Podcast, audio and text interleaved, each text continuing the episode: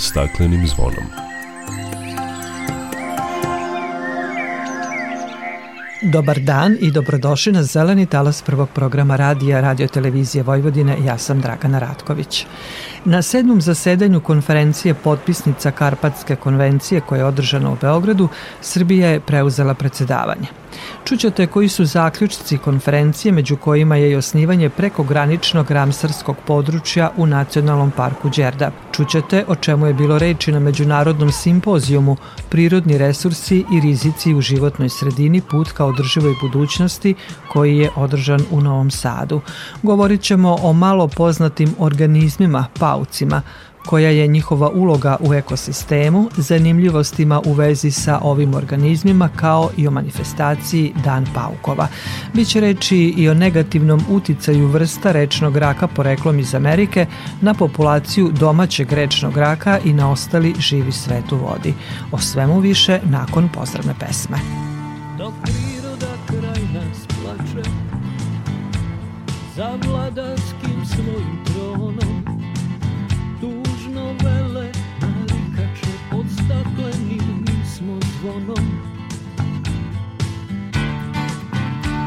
Znaj vazduha više nema Sve manje je i ozona.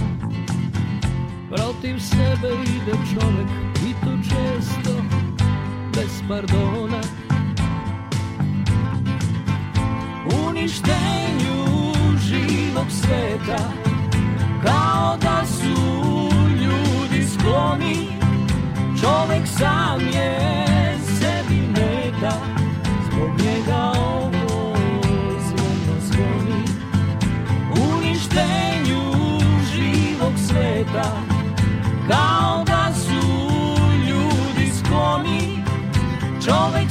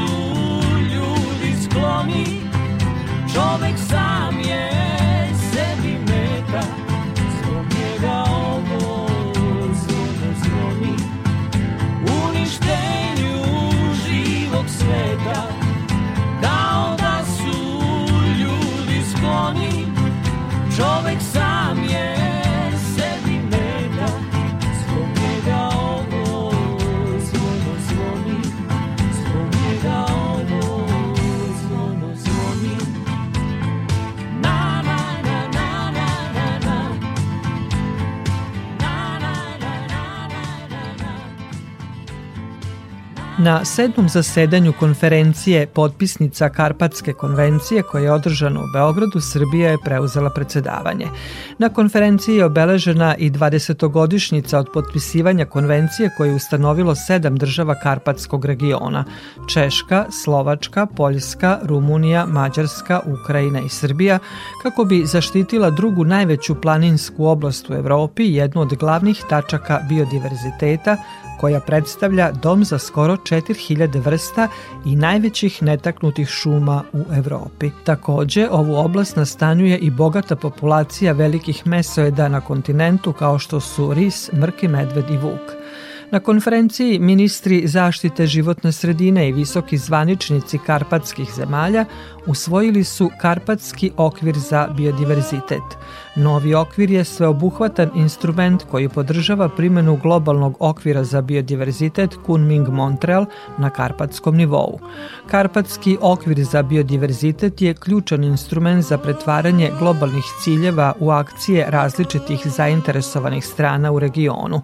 Ministarka za zaštite životne sredine Irena Vujović rekla je da joj je drago što je Beograd domaćin ovog značajnog skupa i to u godini u kojoj se obeležava 20 godina postojanja Karpatske konvencije, kojoj je glavni cilj da se obezbedi održivo korišćenje prirodnih resursa. Ona je dodala da su za bolju zaštitu prirode Karpata neophodni čvršći zeleni mostovi saradnje na novim projektima koji vode ka održivoj budućnosti. Činjenica je da Karpatski region sadrži resurse od izuzetnog ekološkog i kulturnog značaja. Zato sa sigurnošću možemo da kažemo da Karpatska konvencija i njeni protokoli predstavljaju dobar mehanizam za očuvanje tih resursa i održivi razvoj celokupnog Karpatskog regiona sa njegovim izvarednim raznolikostima. Srbija pruža punu podršku regionalnoj saradnji, uspostavljenoj u sklopu implementacije Karpatske konvencije i šire, u okviru globalnih procesa i međunarodnih ugovora poput Konvencije Ujedinjenih nacija o biološkoj raznovrsnosti i Ramsarske konvencije. Srbija podržava i usvajanje i sprovođenje Karpatskog okvira za biodiverzitet, koji predstavlja regionalni odgovor na nove ciljeve globalnog okvira za biodiverzitet Kunming-Montreal. Zbog svega navedenog, jasno je da Karpatska konvencija i njeni protokoli na kojima smo svi zajedno radili 20 godina moraju da budu iskorišćeni na najbolji mogući način. To podrazumeva rad na njihovom uključivanju u relevantne sektore, kao što su zaštita prirode, poljoprivreda, šumarstva, infrastrukture, turizam i obrazovanje.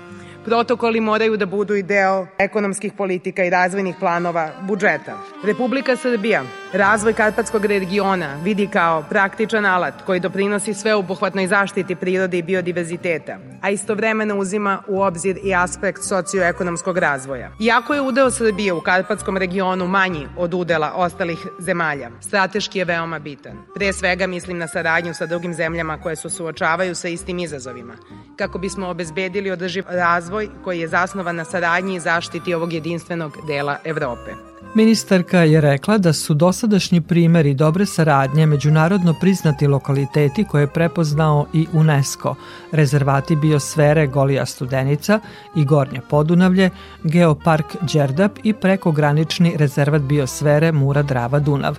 Na konferenciji ministri zaštite životne sredine Republike Srbije i Rumunije su ozvaničili osnivanje prekograničnog ramsarskog područja u Nacionalnom parku Đerdap, Gvozdena vrata. Nadam se da će ova inicijativa biti motiv svima da još intenzivnije radimo na regionalnoj zaštiti prirodnih vrednosti. Na ovaj način jačamo Karpatski region i gradimo nove zelene prijateljstva i saradnje koje će biti okosnica održivosti za budućnost. Pastirski štab koji sam preuzela zajedno sa predsedavanjem Karpatskom konvencijom podsjeća nas da je nekada priroda korišćena na održiv način. Štab je simbol koji nas podsjeća i na obavezu da ostanemo uporni i istrajni i da mislimo dugoročno o zaštiti prirodnih vrednosti. To je moguće samo ukoliko svako u svojoj zemlji, ali i svi zajedno u Karpatskom regionu kao celini, kroz rad spajamo tradicionalne vrednosti i primenu inovativnih rešenja koja su zasnovana na prirodi. Skup je organizovan u partnerstvu sa programom Ujedinjenih nacija za životnu sredinu UNEP-om i sekretarijatom Karpatske konvencije.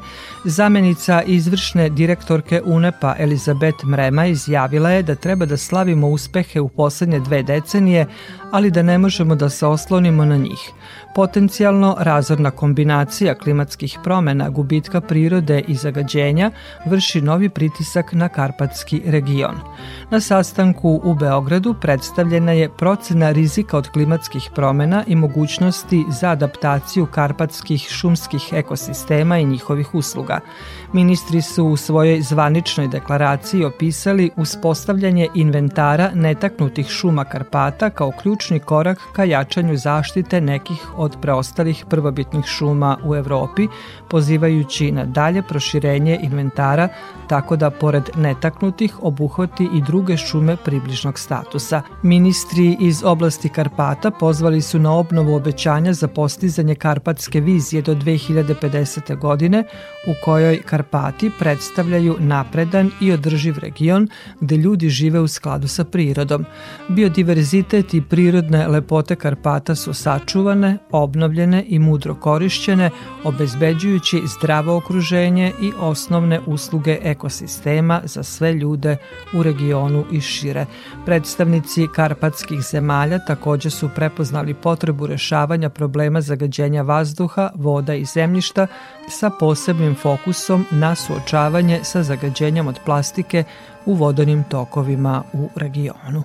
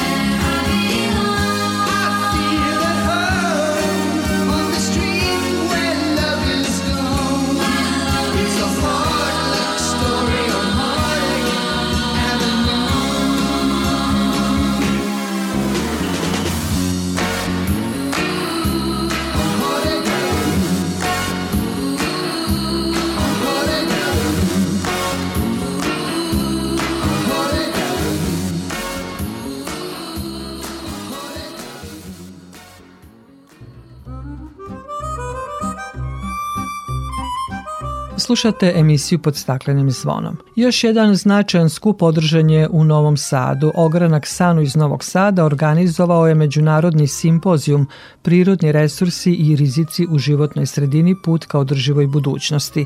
Raznovrsnost prirodnih resursa predstavlja bogatstvo planete, a njihova eksploatacija može da ima veliki uticaj na životnu sredinu.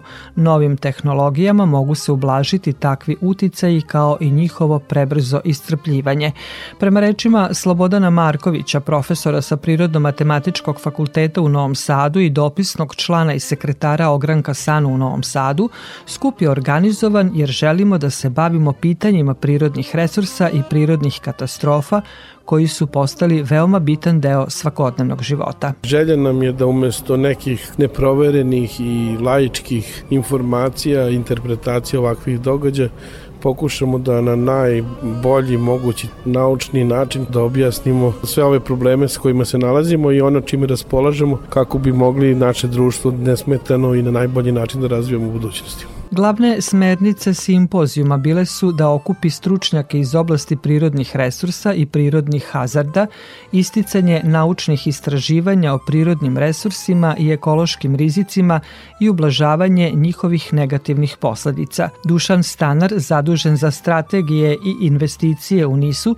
predstavio je njihov novi projekat koji razmatra uticaj na životnu sredinu električnih vozila u odnosu na dizel vozila. Zaključak neki je da električna vozila u Srbiji emituju daleko više CO2 od dizel vozila zato što nam je energetski miks, odnosno taj lignit koji ložimo u tentu, u Kostolcu, u Obrenovcu, ima jako velike emisije CO2 i stoga emituje mnogo više CO2 nego dizel vozilo i tako da električna vozila u Srbiji nemaju smisla do neke 2035. godine, kada ćemo dobiti mnogo više obnovljivih izvora u energetskom miksu, najpre iz solara i vetra, znači treba nam negde još 6 gigavata instalisanih kapaciteta, a obnovljivih izvora mi imamo za sad samo 0,5 instalisanih.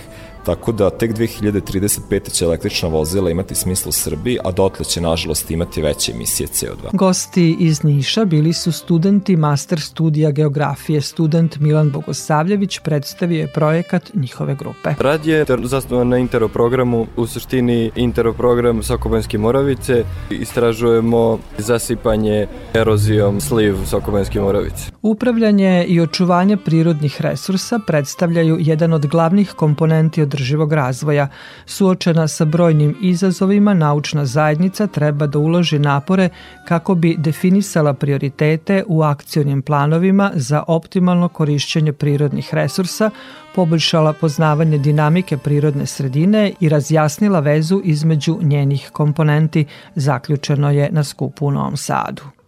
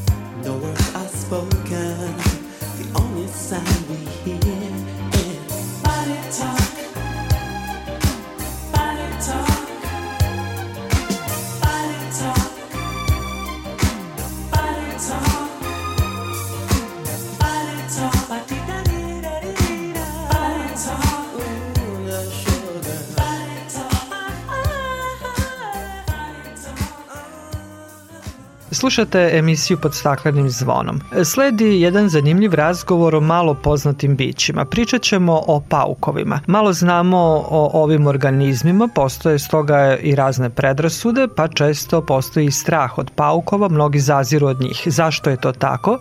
Da li je strah opravdan? O kakvim bićima se radi? Koja je njihova uloga u ekosistemu? I još o nekim zanimljivostima čućemo od moje gošće Gordane Grbić, biologa, arahnologa, istraživača i osnivača pokretača manifestacije Dani Paukova. Gordana, dobrodošli na Talas Radi Novog Sada. Dobar dan, Dragana, hvala vam na pozivu. Malo znamo o ovim organizmima, viđamo ih najčešće u svojim domovima, pa nas malo ponekad e, i, i nerviraju zbog svoje mreže koju prave. To su oni kućni paukovi za koje svi znamo, ali koliko ima vrsta na svetu ovih organizama i koja je njihova uloga u ekosistemu? Sad će zvučati malo neverovatno, na svetu postoji preko 50.000 vrsta paukova. Od toga preko 5000 živi u Evropi, a u Srbiji je do sad zabeleženo oko 750 vrsta, što je recimo tek polovina od onog što tek treba da bude zabeleženo, pošto su paukovi marginalizovana grupa, onda ima malo istraživanja i nas malo arahnologa pa to taj napredak ove, ide dosta sporo. Ono što ljudi često zaboravljaju kada pričamo o paukovima, to je da paukovi nisu insekti. Slični su u veličini u građi, ali oni prosto nisu ta grupa. Ako niste sigurni, prebrojte noge. Paukovi i paukolike životinje, kao što je recimo krpelj, imaju osam nogu a insekti imaju šest. Isto je jako važno da znamo da paukovi nisu štetočine, Njihova primarna uloga je da kontrolišu brojnost insekata i zato su važni predatori svakog ekosistema. Naravno, to im nije jedina uloga, sami predstavljaju izvor hrane za neke životinje kao što su na primjer žabe, gušteri, ptice, čak i sitni sisar i rovčica recimo lovi paukove. Takođe mogu da budu podloga da se na njima razvijaju određene vrste gljiva Znači oni su neki medijum za rast i onda su povezani sa ljudima preko otrova paučine i te specifične zoofobije koja se naziva arahnofobija. Arahnofobija, strah od e, paukova, e, mnogi zaziru upravo zbog toga što se plaše. Zašto se ljudi plaše? Kod nas postoji neka verovanja da pauk donosi sreću, sreću da jeste, ne treba da, da ga da, ubijamo. Da, da. da li su oni otrovni da. i koliko su opasni? Pa vidite ovako, strah od paukova je u stvari kulturološka pojava. Znači, kada gledate zemlje zapadne Evrope i ove Ameriku, postoje u literaturi podaci da je strah od pauka peti strah kod ljudi. U Britaniji čak 40% žena i 20% muškaraca se boji paukova. Međutim, kad gledate drugu stranu sveta, kad gledate Kambođu, gde su paukovi na redovnom meniju, gde možete da ih kupite pržene na pijaci i grickate kao čips, tamo skoro da strah od paukova i ne postoji. E sad, mi smo u Srbiji 2016. uradili jedno pilot istraživanje da vidimo da li se Srbi boje paukova Ispostavilo se da se u principu ne boje, više imaju neku nelagodnost ili gađenje nego što se boje paukova, međutim u poslednje vreme sam srela jako puno ljudi koji čak imaju paničan strah kad pomenete pauka, tako da mislim da je vreme za još jedno istraživanje, možda sad posle ovog COVID-a, ove, odnosno korone, se nešto promenilo. Inače, strah je potpuno neopravdan, ali potiče iz našeg neznanja. Da li su otrovni? Svi paukovi su otrovni zato što posjeduju otrovne žlezde, luče otrov, kojima ubijaju svoj plen. Međutim, većina vrsta, znači pričamo o Srbiji, koja živi kod nas ima suviše slabe zube, odnosno helicere i ne može da vam probije kožu i ne može da vas povredi. Isto tako, pauk može da kontroliše to ispuštanje otrova, tako da ako vas i ujeo, pitanje da li vam je ubrizgao bilo šta, jer on je u stvari vas samo upozorio da ga ne dirate, ta proizvodnja otrova je jako skupa i on neće to na vas da troši kad vas neće pojesti često čujemo za e, crne udovice, tarantulu i ljudi se plaše naročito ovaj, Jeste, tih vrsta. Da, s tim što crna udovica ne živi u Srbiji.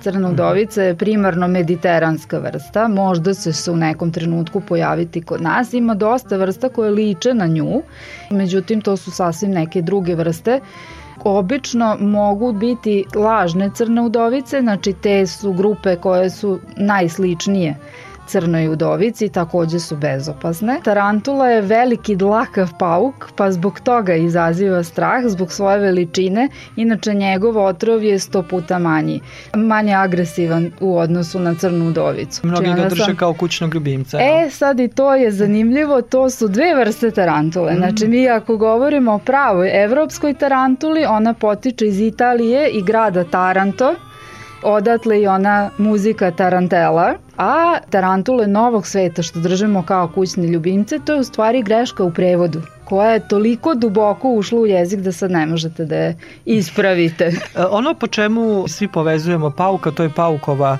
e, mreža za koju kažu da je veoma elastična i jaka. Čemu ona služi? Što se tiče mreže, zanimljivo je da naglasimo da ne prave svi paukovi mreže. Znači, postoje grupe koje prave mrežu i njih zovemo stanari, pošto im ta mreža služi za stan i za lov, a postoje grupe paukova koji uopšte ne prave mreže i njih zovemo skitnice i oni aktivno love svoj plen. Osim što im mreža služi za lov, ta mreža služi i za parenje, ali služi i kao jaslice za odgajanje mladunaca i kod tih paukova koji prave mrežu, ne prave svi iste mreže, tipove mreža. Onu koju mi najčešće viđamo, to je ona uspravna kružna mreža koju pravi pauk krstaš ili pauk osaš, osoliki pauk. To je samo jedan tip mreže. Tako da puno tipova mreža ima. Kažu da ona veoma elastična i jako jaka, sad nisam sigurna, ali upoređuju sa nekom najtanjom niti Velike, da, Amerikanci vole da to onako slikovito da objasne, pa kao kad bi napravili mrežu koja je debljine kao naša ruka, konci budu jel, kao naša ruka, moglo bi da zaustavi Boeing 747. Ali je vrlo zanimljiv materijal i ono što je meni recimo zanimljivo, mreža je otporna na gljivice i bakterije, tako da je savršen materijal za rad u medicini postoje podaci da su Rimljani koristili za previjanje rana i istražuju se takvi materijali ili slični, međutim teško ju je veštački proizvesti, tako da su ti materijali još uvek u eksperimentalnoj fazi. Da, mnogo zanimljivih stvari smo čuli o ovim malo poznatim organizmima. Koje još sve zanimljivosti postoje u vezi sa ovim bićima, može da nam još nekako više približite? Ima ih puno, to je zaista tačno, to ste u pravu. Ja bih izvojila to da imamo paukove sponzoruše. Znači nismo mi izmislili taj fenomen, to kod paukova postoji jako dugo. To znači da traže poklon pred parenje i da dužina parenja direktno zavisi od veličine poklona. Ako je poklonite velikog insekta umotanog u paučinu, imaćete duže parenje. Ali ako date neki siromašan ovaj poklon, može se čak desiti da postanete plen. Tako da mužeci moraju da, da budu da pažljivi da kada prilaze ženki. Rekli smo malo pre da su paukovi predatori. 2008. godine je otkrivena i opisana vrsta pauka koja je vegetarijanac. Tako da imamo pauka vegetarijanca, jeste, živi na cvetu i hrani se nektarom i zove se Bagira Kipling kao onaj panter iz knjiga o džungli, uh mhm. -huh. a koju je napisao Kipling. I mogu vam reći da je to jedan pravac koji je vrlo živ poslednjih deset i više godina, da se novo otkrivene vrste imenuju po nekim ličnostima koje su poznate, koje su dale svoj veliki doprinos recimo u zaštiti biodiverziteta vrsta ili su popularne u svojim oblastima, to je jako važno da se skrene pažnja na te nove vrste, na faktore koji ih ugrožavaju, prosto da vam ostane u sećanju naziv pa ćete to povezati sa problemom i doprinećete da se reši određena stvar u zaštiti životne sredine informacija koju sam pročitala da je moguće da žive i pod vodom. Imamo jednog pauka, Argironeta aquatica, to je pauk koji se isključivo specijalizova za život pod vodom. I od paučina formira jedno stakleno zvono, kao što je vaše stakleno zvono, i ovaj, koje napuni vazduhom i odatle onda e, lovi, pari se, on može čak i manje ribe da uhvati, a gore sa površine vode uzima vazduh pošto diša ovaj naš kiselnik kao i mi što dišemo. Zaista puno zanimljivosti vezano za ovu vrstu organizama. Ako vas zanima bilo šta u vezi sa paukovima, najbolje je da se obratite udruženju Paukovi Srbije. To je jedinstveni centar za proučavanje i zaštitu paukova, osnovan je 2019. godine sa ciljem baš da se popularizuje ova grupa. Pitanja možete da postavite putem maila paukovi Srbije, pa onaj znak manki, gmail.com ili da pratite naš rad na e, Facebook stranici Paukovi Srbije, znači s istim nazivom. Rešavamo sve nedoumice. Zbog toga ste i pokrenuli jednu manifestaciju Pauk nije bauk. To je novi projekat i taj projekat se nadovezuje na manifestaciju koja je jedinstvena u Evropi koja se zove Dan paukova. Mi smo ponosni što Srbija u stvari jedina država u Evropi koja ima Dan paukova i pre šest godina smo organizovali prvi pošto je ceo događaj bio vrlo interesantan i dobro prihvaćen, onda smo odlučili da na svake dve godine se održava manifestacija. Naravno, 21. smo imali problem oko organizovanja zbog covid tako da smo planirali da se aktiviramo 23. što i sad radimo i tako je nastao taj projekat Pauk nije bauk. Šta smo još shvatili tokom vremena, to je da nije dovoljno ta manifestacija da bi se razbile predrasude, da bude samo u Novom Sadu. Zbog toga smo mi osmislili projekat koji će obuhvatiti više gradova Cilj tog projekta Pauk nije bauk je da se skupe sredstva za organizovanje šest predavanja širom Srbije, znači u Nišu, Kragujevcu, Novom Sadu, Subotici, Vršcu i Beogradu. Svaki od gradova će imati jedan svoj mini dan paukova, Posetioci će imati priliku da se kroz predavanja upoznaju s različitim vrstama, a posle tokom neformalnog druženja će moći da upoznaju nas, arahnologe, i da pitaju sve što ih interesuje. Volila bi da pozovem sve ljubitelje pauka i građane da podrže taj naš projekat Pauk nije bauk preko platforme donacije.rs jer svaka i najmanja donacija može pomoći da predstavimo paukove u stvarno jednom drugačijem svetlu i da svi zajedno naučimo da stvarno pauk nije bauk. Centralni događaj u Novom Sadu je 18. novembra Pratite nas ove na stranici, bit će tamo objava raznih. Gordana, hvala lepo za razgovor i učešću u programu Radio Novog Sada. Hvala vama na pozivu. Meni je drago da sam imala priliku da kažem nešto više, jer stvarno tačne i pravi zanimljive informacije treba da delimo. Da, mislim da će nakon ovog razgovora mnogi promeniti mišljenja o paukovima. Pa samo nek počnu da ih primećuju, to je već jedan korak ove, ka boljem osjećaju prirode. Hvala još jednom.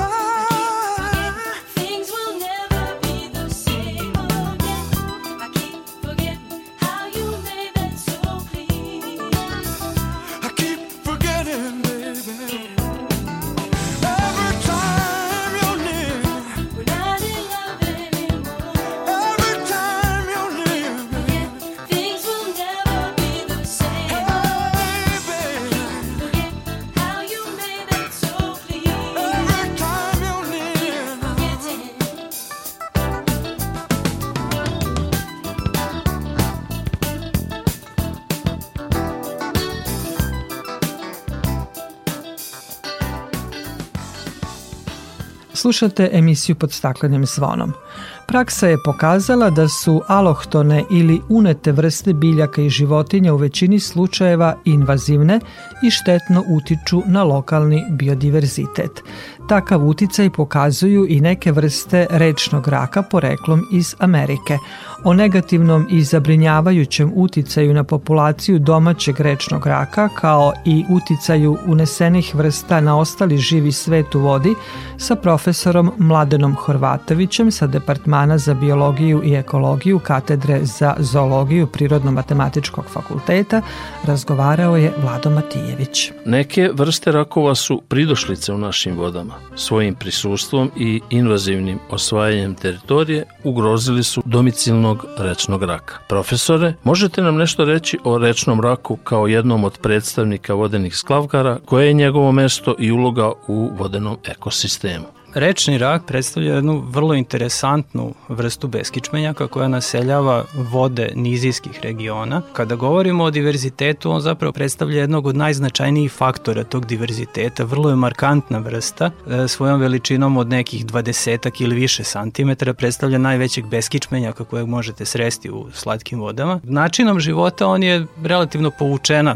vrsta koja uglavnom naseljava dno, skriven među nekim biljkama, vegetacijom, eventualno kamenjem. Aktivan je uglavnom u toku noći, ne u toku dana. Nasuprot toj njegovoj veličini i tim velikim kleštima koje on zapravo ima, on je vrlo miroljubiva vrsta, tako da ne vrši nekakav ozbiljan uticaj na riblji fond, gotovo uopšte se ne hrani ribljom ikrom. E, hrani se uglavnom strvinama, znači životinskog biljnog porekla i kao takav je vrlo, vrlo značajan kao čistač ekosistema vodenih i to mu je izuzetno bitna uloga u vodenom ekosistemu. Zatim hrani se nekim sitnijim zglavkarima koji takođe predstavljaju uh, hranu za ribe, ali on ne vrši nekakav ozbiljan uticaj na njih obzirom na to da je on evoluirao u ovom ekosistemu i on predstavlja jednu kariku koja je tu potpuno normalno, da tako kažemo. Recimo, e, na ulici pitate lajka za neku vrstu životinje, često neće znati kako izgledaju. Međutim, ako pitate i dete prečkolskog uzrasta kako izgleda rak, svako će znati da ga nacrta.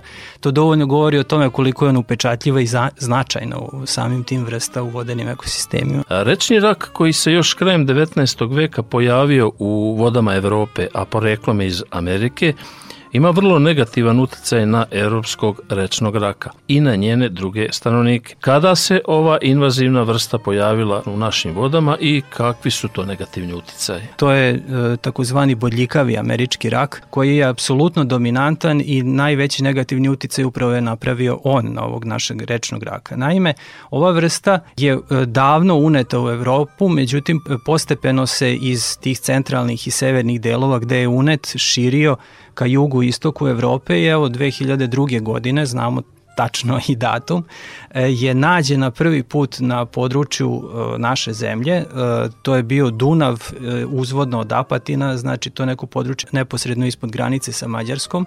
Tu su pronađeni prvi primerci.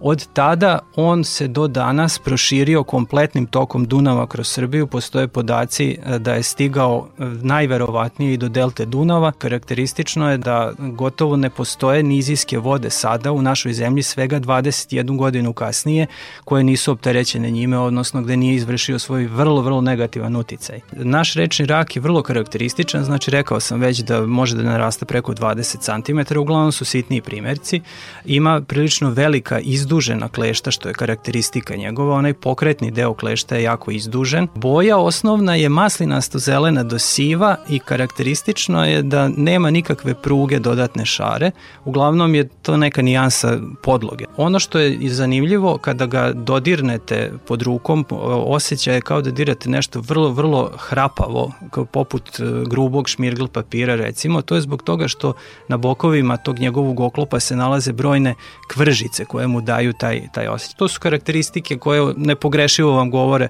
u kojem raku se radi. Kada je u pitanju ova invazivna vrsta, ovaj bodljikavi američki rak, zove se bodljikav zbog toga što Njegovo telo je uglavnom glatko, a u predelu obraza u tom regionu ima izraštaje koje su poput malih bodlji grupisane i zbog toga se naziva bodljikavi. On je inače bojom vrlo sličan ovom našem raku, rastom je mnogo, mnogo manji, manje ima klešta, znači otprilike desetak santimetara raste, taj pokretni zadnji deo je repni region, na njemu se nalaze crvene do kestenjasto, crvene isprekidane pruge koje su poprečne. Kako su ovi novi došljaci dospeli u naše vode? To je neki stepen od 10 do 12 km godišnje nizvodne disperzije, takozvane širenja. Ne treba uopšte prenabregnuti čovekov uticaj.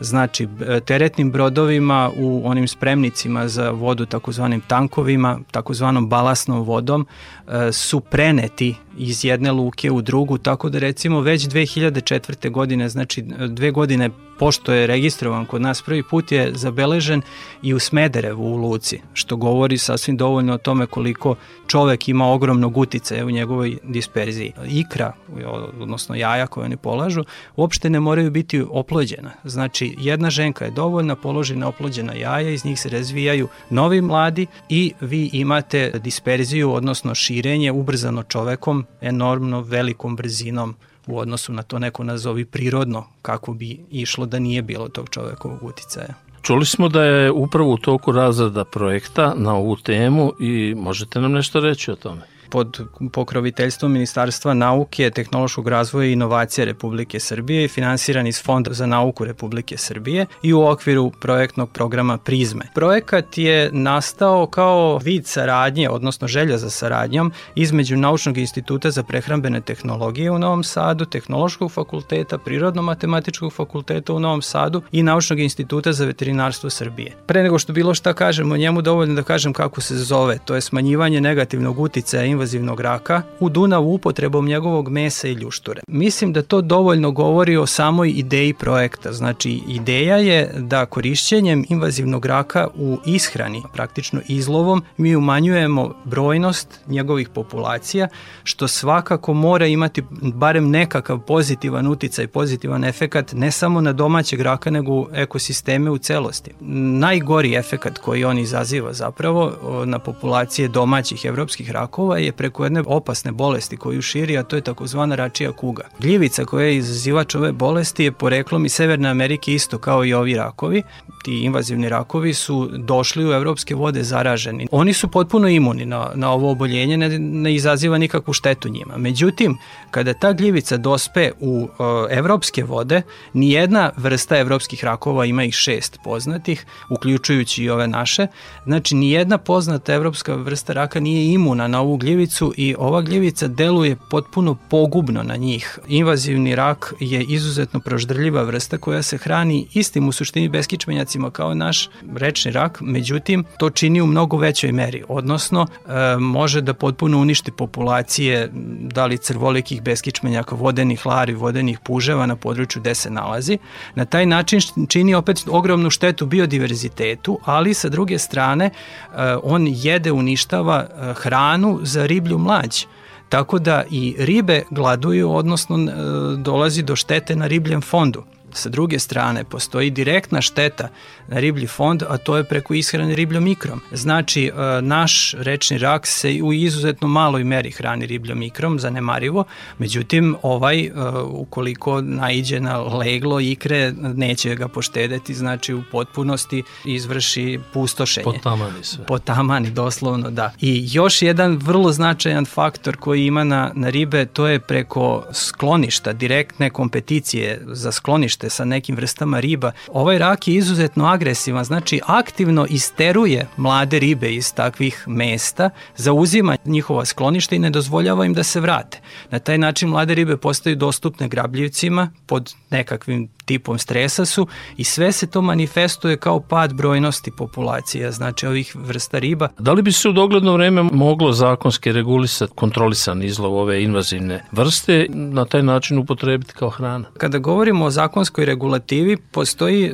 dva osnovna zakona, to su zakon o zaštiti prirode i zakon o zaštiti i održivom korišćenju ribljeg fonda koji pokrivaju ribe i generalno e, rečnu faunu, da tako kažemo, pa i rakove. Znači, invazivni rak je vrsta koja se može slobodno loviti u neograničenoj količini, a što se tiče korišćenja u ishrani, prilikom idejnog osmišljavanja ovog projekta i imali na umu, zapravo je to pravi način da se borimo protiv ovog raka. Kako ćemo to uraditi? Tako što ćemo izlovljavati rakove iz naših voda. Znači, najbolji put je da to učinimo ekonomski opravdanim. Znači, mi smo preko tog našeg projekta radili na tome da ispitamo e, mogućnosti korišćenja njegovog mesa u ishrani. Sa druge strane, naš rečni rak nije pod zakonskom zaštitom. On zaista pre 20 godina do pojave ovog invazivnog raka i nije bio zaštićen, bio je svugde rasprostranjen. Međutim, sada je potpuno nova situacija i zaista trebalo bi ga uvesti u kategoriju zaštićenih ili strogo zaštićenih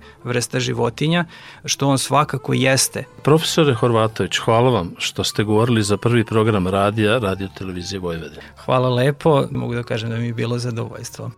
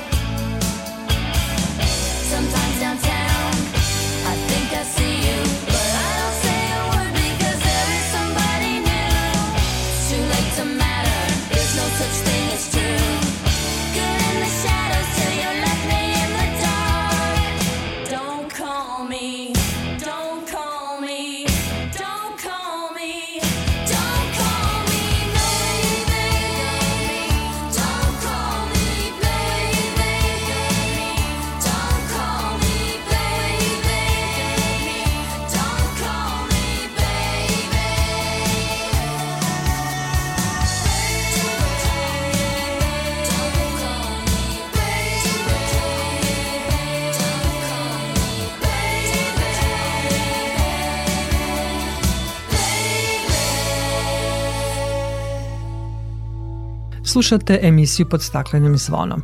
Na području apelacionog suda Novi Sad, koji pokriva celu Vojvodinu, osim Pančeva i Šapca, u poslednje tri godine pokrenuto je 14 krivičnih postupaka zbog zagađenja životne sredine. To je izjavio predsednik Višeg suda u Novom Sadu Miroslav Alimpić na naučno-stručnoj konferenciji na temu Ekologija i pravo o kojoj su protekle sedmice govorili stručnjaci, pravnici, tužioci, sudije i advokati iz čitavog regiona. Pojedinosti Marija Maleš. Od pomenutih 14 postupaka, četiri su pokrenuta zbog nepreduzimanja mera zaštite životne sredine, pet zbog oštećenja životne sredine i osam zbog unošenja opasnih materija u Srbiju, kao i nedozvoljenog prerađivanja, odlaganja i skladištenja opasnih materija, rekao je Alimpić.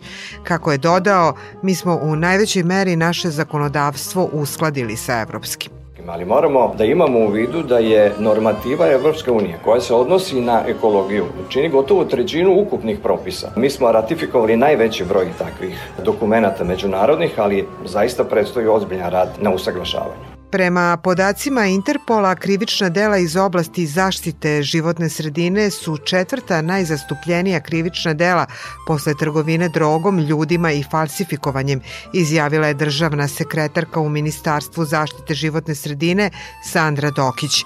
Naše krivično zakonodavstvo je, kako ocenjuje, dobro regulisano, ali primjena zakona, istražni postupci i sve ostalo mora da bude efikasnije kako bi rezultati bili bolji. Ono što znamo da je problem jeste da kada se ovako jedno krivično delo izvrši, ono ne predstavlja samo e, štetu za životnu sredinu, već i za zdravlje svih nas građana, privrede i to je nekako samo u našoj zemlji nego u Evropi.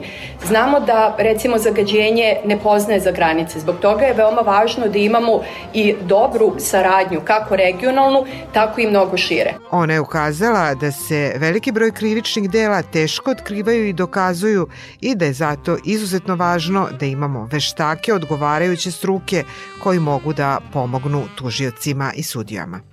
Kada govorimo o zagađenjima, možemo da kažemo da je najveći problem neadekvatno upravljanje opasnim otpadom. Opasan otpad zaista predstavlja i zagađenje i za životnu sredinu i ugrožava sve nas i počinioci tih krivičnih dela su, po, pored regulative koja je vrlo jasno regulisala na, naš zakon o upravljanju otpadom, na koji način vi možete upravljati otpadom, tretirati ga, izvesti ga ako nemate mogućnost da ga tretirate u zemlji, imamo situacije da se zaista on e, odlaže u, u prirodu na nekim mestima gde ne bi trebao da bude i ukoliko nemate informacije od nekoga koje, koje posvedoči o tome, vi ne možete to ni da, ni da saznate. Dodala je da počinioce krivičnih dela nije lako otkriti i zbog toga što su prestupi veliki, a ljudi koji čine takve stvari vrlo vični tom kriminalnom poslu.